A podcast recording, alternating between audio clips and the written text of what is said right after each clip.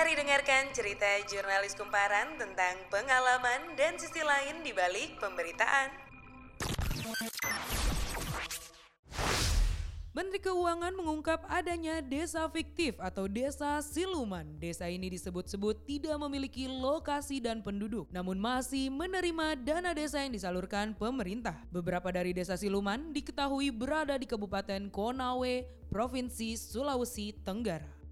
Bagaimana cerita selengkapnya? Saya Atletina sudah terhubung dengan Lukman Budianto, jurnalis kendarinesia.id yang merupakan partner kumparan di Kendari yang bertugas untuk meliput peristiwa tersebut. Mari kita tanyakan lebih lanjut. Halo Mas Lukman. Iya, halo Atletina.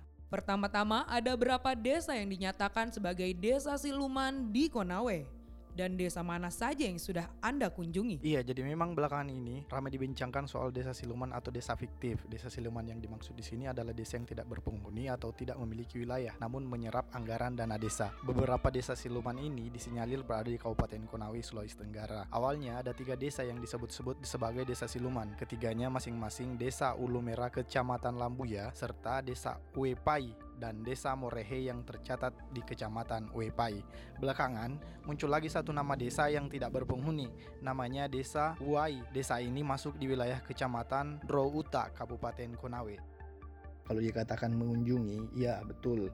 Beberapa hari yang lalu, setelah mendapat informasi tentang desa fiktif atau desa siluman di Kabupaten Konawe, saya langsung berkunjung di kecamatan uh, Wepai karena di kecamatan ini informasinya ada dua desa. Di sana ada dua desa yang dikatakan desa siluman.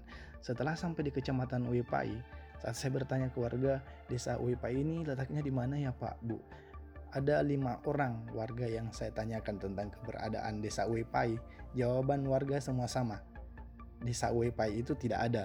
Yang ada hanya kelurahan. Setelah itu saya langsung cross check ke kecamatan. Nah ternyata di kecamatan di bagian depan kantor kecamatan itu terpampang sejarah mekarnya kecamatan Wepai ini. Di sana tertulis tahun 2003 berdasarkan Perda Kabupaten Kendari 15 tahun 2002, Desa Wepai mekar dari kecamatan Lambuya. Jadi sebelumnya Desa Wepai ini masuk di kecamatan Lambuya. Nah, setelah mekar desa Uipai berubah menjadi karena wilayahnya luas. Nah, dijadikanlah desa Uipai ini sebagai kecamatan Uipai. Nah, saat itu juga desa Uipai hilang menjadi kelurahan Uipai.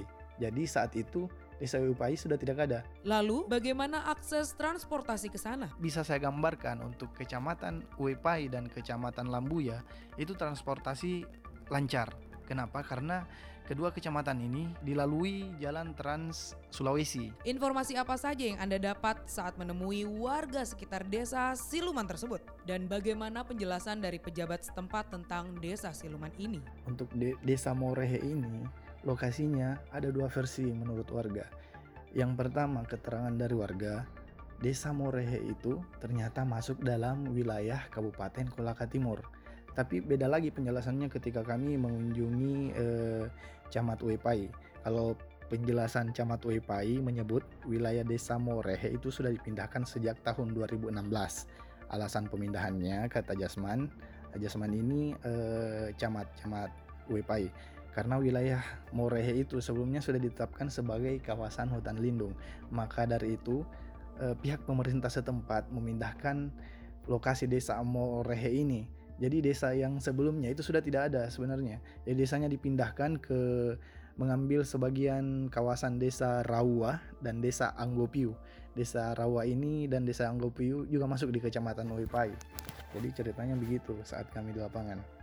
Lalu, berapa total dana desa yang disalurkan ke desa siluman ini? Nah, di sini ada dua versi. Kalau yang informasi saat kami mewawancarai Wakil Bupati Kabupaten Konawe, Gusli Topan Sabara, mengatakan bahwasanya sejak tahun 2015 pihak Pemda tidak pernah mencairkan dana desa yang dikucurkan oleh kementerian dan saat ini dana desa sejumlah 5,84 miliar itu masih tersimpan di kas kas daerah Pemda Konawe. Nah, ini berseberangan dengan penjelasan yang kami dapat di lapangan. Ada sumber yang kami temui di lapangan, dia pegawai di Kecamatan Wepai. Dia mengatakan begini, tahun 2017 ada 11 desa yang dicairkan dananya. Dari 11 desa itu sudah termasuk desa Wepai dan Morehe. Nah, itu masuk katanya. Dari dana desa itulah dipakai membangun balai desa. Menurut warga balai desa itu memang dibangun dari dana desa. Artinya, dana desa ini memang sempat cair. Kalau kita lihat fakta di lapangan, sempat kami berkunjung